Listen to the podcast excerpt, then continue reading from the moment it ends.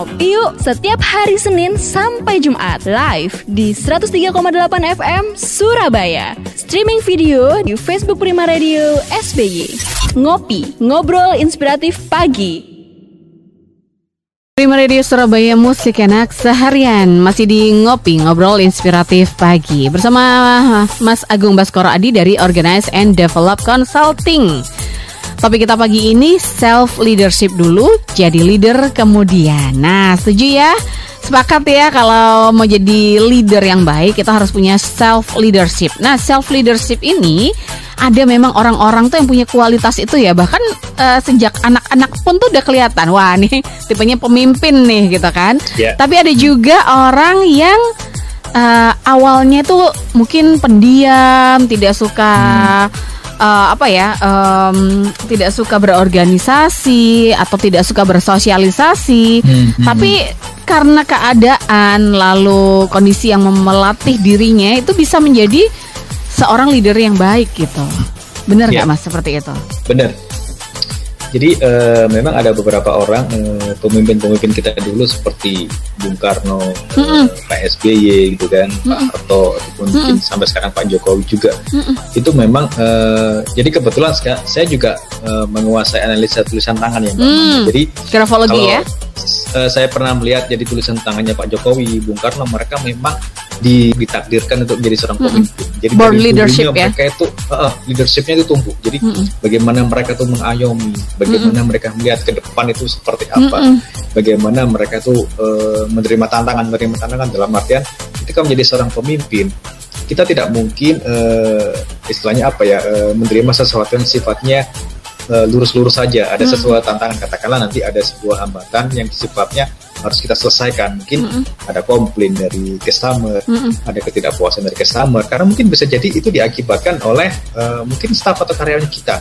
Tapi jangan mungkin jangan langsung menyalahkan staff atau karyawan kita. Mungkin bisa jadi memang staff atau karyawan kita itu memang belum sepenuhnya menyadari ataupun belum sepenuhnya menguasai apa mm -hmm. arti dari sebuah konsep pelayanan yang mungkin sebenarnya visi misi itu tidak sepenuhnya dipahami oleh staff atau karyawan kita yang mungkin melakukan kesalahan sehingga hmm. membuat customer kita menjadi kecewa, menjadi hmm. komplain. Jadi uh, kita harus harus harus evaluasi dulu sebenarnya hmm. ini siapa nih, ini tugasnya siapa hmm. nih, harusnya seperti. Tapi kan kalau bisa uh, kita menjadi seorang leaders itu berpikir bahwa uh, uh, gunakanlah prinsip continuous improvement. Jadi kan uh, perbaikan yang mungkin tidak akan pernah ada hentinya. Jadi continuous improvement itu istilahnya kan terus-terusan berbenah. Gitu. Jadi jangan pernah merasa bahwa uh, perusahaan itu akan sudah sempurna di satu titik. Ketika dia sudah merasa sempurna di satu titik, maka ibarat sebuah mobil dia akan berhenti di sebuah satu titik dan mm -hmm. dia tidak berjalan lagi. Kan udah merasa cukup gitu ya? Merasa cukup. Mm -hmm. Jadi uh, jangan pernah merasa puas. Mm -hmm. uh, konteksnya beda ya dengan kita bersyukur ya. Tapi di sini adalah berarti kita bagaimana kita bisa mengupdate diri kita sendiri, mm -hmm. bagaimana kita bisa belajar terus uh, mengevaluasi, kita bisa mengantisipasi sesuatu yang mungkin uh, belum terjadi dalam artian kita bisa mengantisipasi oh iya nanti ketika seperti ini aku harus seperti ini nih. Uh, ketika mengantisipasi mengantisipasi hal seperti itu apa yang harus kita lakukan? Apakah kita harus belajar hal ini? Apakah kita harus menguasai hal ini? Nah, itu yang tadi ada di dalam bagian seorang uh, dreamer ya. Jadi dreamer itu bisa melihat ke depannya seperti apa. Apakah konsep uh, konsep apa namanya konsep pelayanan secara online itu apakah bisa mewakili kondisi sekarang? Kalau offline itu mungkin uh, dari satu sisi mungkin sekarang tidak terlalu efektif karena kan kita juga harus tetap jaga protokol kesehatan juga kan Mbak Manda. Jadi kan uh, bagaimana dengan konsep online pun, dengan konsep daring pun uh, itu tidak mempengaruhi apa yang menjadi tujuan kita untuk memberikan layanan yang. Excellence ya kepada yeah. customer kita itu sih. Walaupun banyak keterbatasan gitu ya. Banyak keterbatasan juga. -hmm. Jadi uh, kalau kembali lagi yang tadi Mbak Manda sebutkan, kalau sudah dari kecilnya tuh sudah punya bakat seorang pemimpin, -hmm. maka kita bisa mengasah asah dia. Jadi kalau sudah punya bakat pemimpin itu kan berarti uh, itu adalah bagian dari challenger ya Mbak. Jadi dia itu siap untuk menerima tantangan itu kan. Tapi bagaimana meng mengasah si uh, si talenta ini menjadi uh, seseorang yang mungkin rapi di administrasi, di hmm. apa namanya di tinkernya juga. Jadi bagaimana pemikirnya juga, bagaimana dia menjadi seorang yang lover. Jadi hmm. dia harus bisa menerima dan mengayomi seluruh timnya dia, ya kan, tanpa terkecuali juga. Terus kemudian bagaimana dia bisa membawa perusahaan ini bagaimana bagaimana minimal lah bagaimana dia bisa membawa divisi yang dia pimpin itu menjadi jauh lebih baik lagi dan berada jauh lebih kencang lagi dari sebelumnya seperti itu. Oke, okay. Uh, ini ada WhatsApp yang masuk ya, langsung saya bacakan. Boleh. Dari uh, Ibu Agnes ya, Ibu Agnes yeah. di 08122450 sekian-sekian ini menanyakan ada dua pertanyaan nih dari Bu Agnes. Yeah. Yep. Uh, yang pertama, kalau ada seorang anggota tim yang mem terlihat mempunyai jiwa kepemimpinan, apakah bisa membi membuat uh, jadi terkesan pilih kasih terhadap seorang tersebut ya lalu pertanyaan hmm. kedua uh, saya manajer di sebuah perusahaan yang bisa dibilang hmm. berhasil dalam leadership tapi hmm. terkadang jiwa memimpin ini terbawa ke rumah yang uh, berimbas uh, terhadap anak-anak bagaimana cara saya menghad menghadapi karyawan saya di kantor. Oke, nih saya nangkep nih maksudnya nih. Yang pertama pertanyaannya, jadi kalau misalnya dalam satu tim yang dipimpin itu ada yang punya jiwa leadership gitu ya, otomatis mungkin yeah. dia akan menonjol gitu kan. Nah, apakah bisa membuat ini menjadi pilih kasih terhadap okay. tim yang lain gitu ya? Itu pertanyaan okay. yang pertama. Yang kedua. Yeah. Ini Bu Agnes sih uh, seorang manajer di sebuah perusahaan gitu ya, yang mungkin sudah punya keluarga kan di rumah gitu. Nah mungkin yeah uh, jiwa kepemimpinannya di tempat kerja ini kadang terbawa nih dalam memperlakukan anak-anaknya di rumah seperti itu. Hmm. Oke, okay. menarik ya Jadi, pertanyaannya nih uh, banyak juga kan uh, leader-leader yeah. wanita yang juga sebenarnya yeah. Uh, berkeluarga gitu kan punya anak di rumah gitu. Tapi yeah. uh, mungkin cara memimpinnya ini sebenarnya beda ya memimpin anak-anak di rumah sama di uh, perusahaan atau tempat kerja gitu. Gimana Mas iya. Agung? Yeah. Mau dijawab? Uh, jadi pertanyaan pertama nggak mm -mm. uh, ada salahnya sih kalau seandainya mungkin uh, tadi katakanlah ada beberapa orang yang memang ada salah satu yang menonjol di bidang leadership atau mungkin dalam hal leadership karena memang pada saat itu mungkin ada keterbatasan dalam artian mungkin uh, perusahaan mungkin belum ada dana untuk psikotes, perusahaan belum ada dana untuk mengakses dari mm -hmm. uh, si apa karyawan itu menjadi seorang leaders. Jadi kalaupun memang dengan mengikuti feeling saja, mm -mm. dengan dia tuh punya sosok leadership di situ, nggak ada salahnya. Toh mm. nanti kan di situ kan akan kita evaluasi kan Mbak Manda. Mm -mm. Jadi kan kita evaluasi paling tidak kan kita punya jangka nggak usah terlalu lama, satu bulan dulu aja.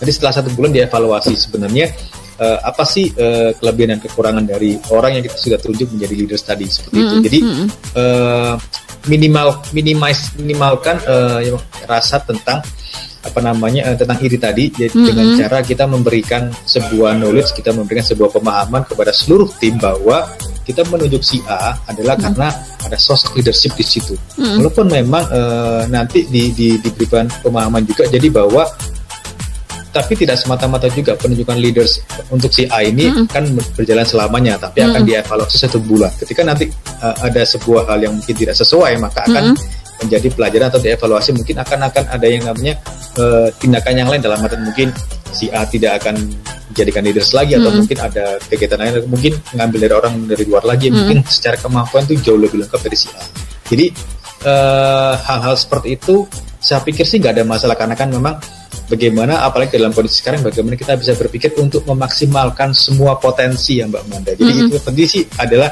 uh, Bu Agnes tadi kan mm -hmm dia berpikir bagaimana dia bisa memaksimalkan semua potensi yang dia punya tanpa harus uh, menuntut perusahaan itu untuk mengikuti apa yang dia pikirkan, ya kan? Mm-hmm. Dia melihat nih feelingnya, oh ini harus jadi leader sih, udah tahan mm-hmm. aja, gak apa-apa, silakan diangkat. Mm-hmm. Tapi nanti kita evaluasi mungkin satu bulan atau mungkin kalau lebih cepat dua minggu lagi kita evaluasi itu akan nanti kan kelihatan Terus yang kedua, saking semangatnya nih uh, jadi seorang manajer, jadi leaders, akhirnya ke bawah ke rumah. Nah harusnya di situ ada sebuah ruang yang memang harusnya kita kita batasi ya. Jadi mm -hmm.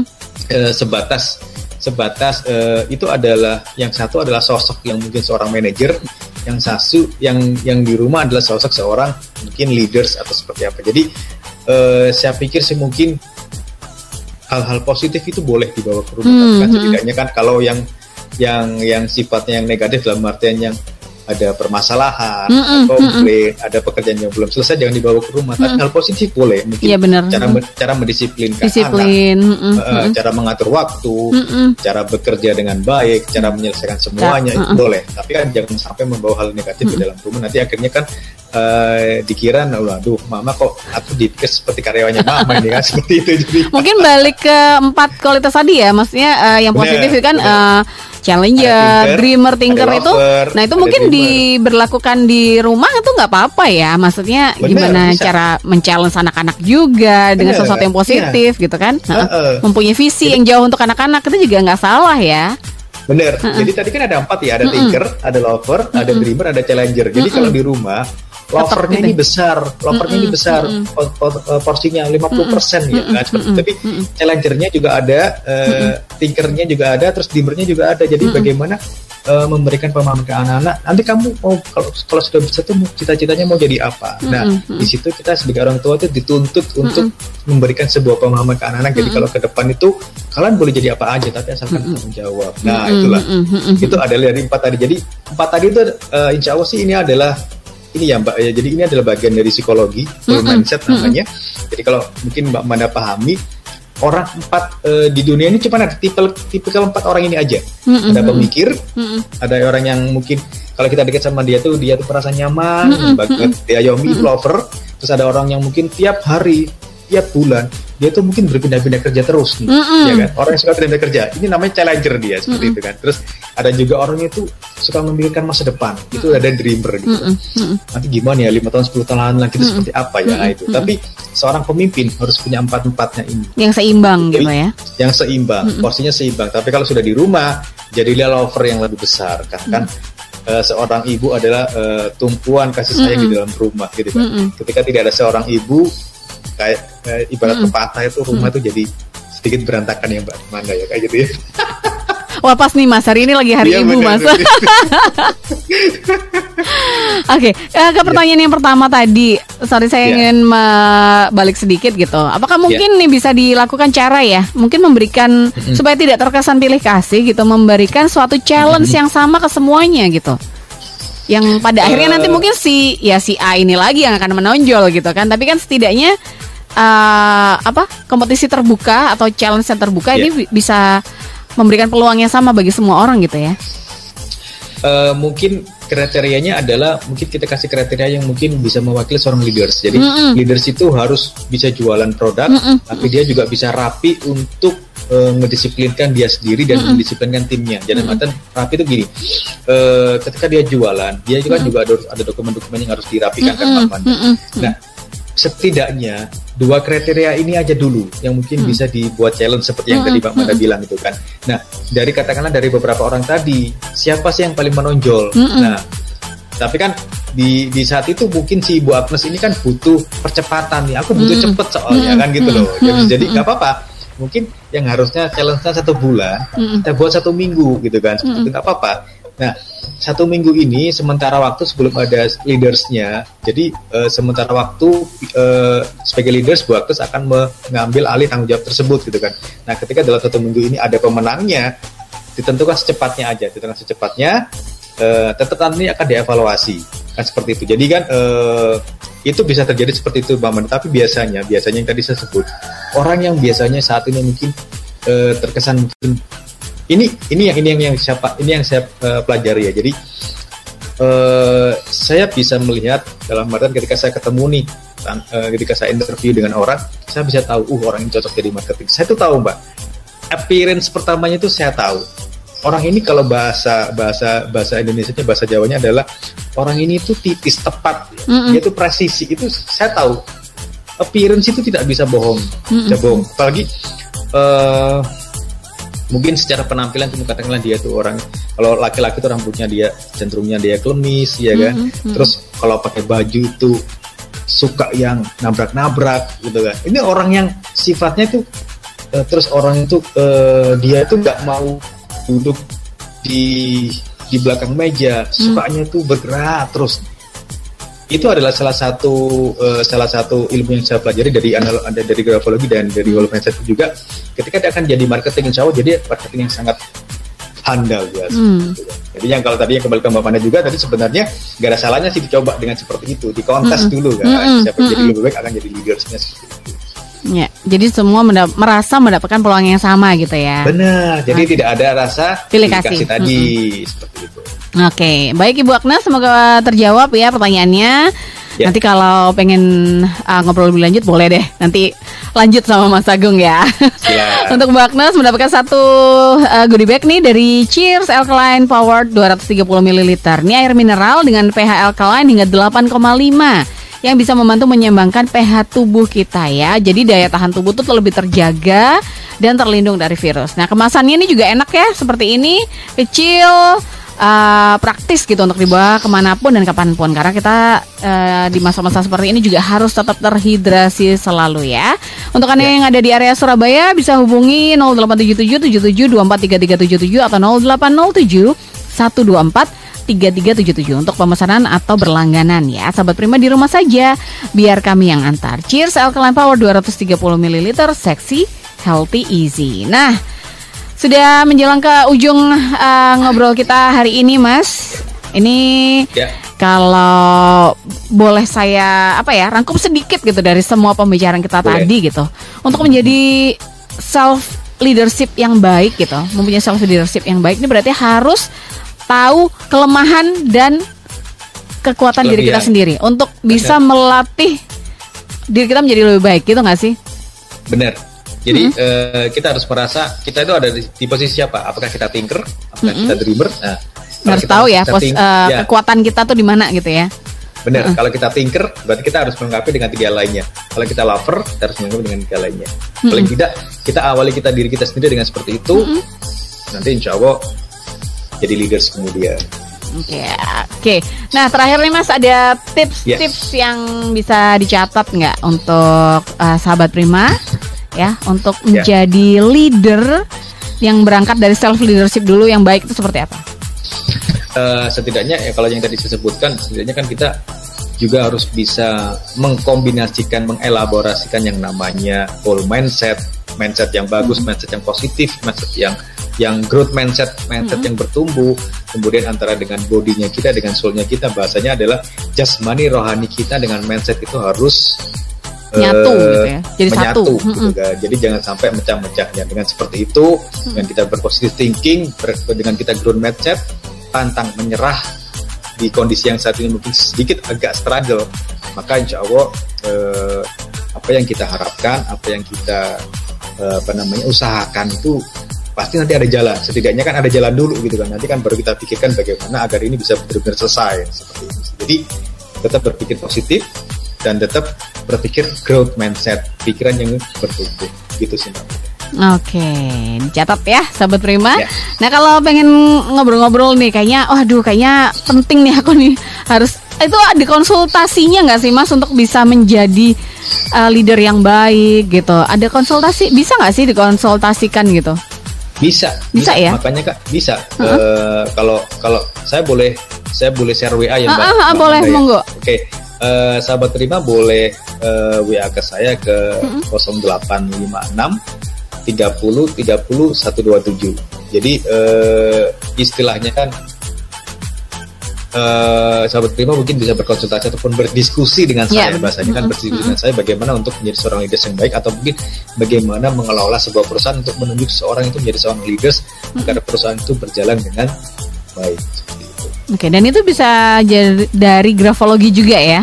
Bisa. Ya, bisa, uh, Mas bisa. Agung ini seorang grafologis. Jadi bisa ya. menilai apa ya karakteristik seseorang dari tulisan ya. tangannya saja ya. ya. Analisa bukan tangan. bukan cenayang loh ya. Ini ada ilmunya bukan. ya.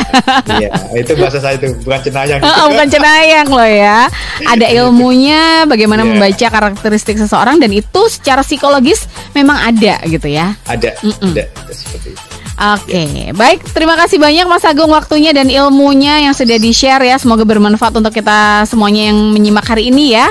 Ya. Ketemu lagi di lain kesempatan ya, ya. Mas Agung. Sehat selalu. Ya. Sehat selalu, Mbak.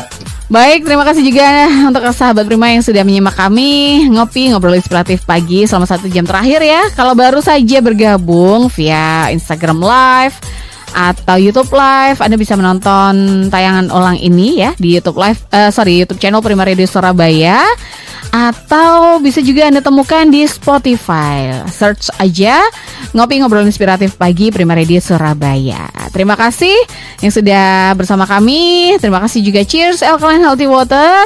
Terima kasih tim uh, web Prima Radio Surabaya yang sudah support ngopi ngobrol inspiratif pagi pagi ini. Tetap di Prima Radio Surabaya, sahabat Prima, karena saat lagi akan ada sederet playlist enak dari era 70-an, 80-an, 90-an ya di Prima Lounge Good Music and News Update. Mandarani pamit untuk ngopi. Wassalamualaikum warahmatullahi wabarakatuh. Ngopi yuk setiap hari Senin sampai Jumat live di 103,8 FM Surabaya. Streaming video di Facebook Prima Radio SBY. Ngopi, ngobrol inspiratif pagi.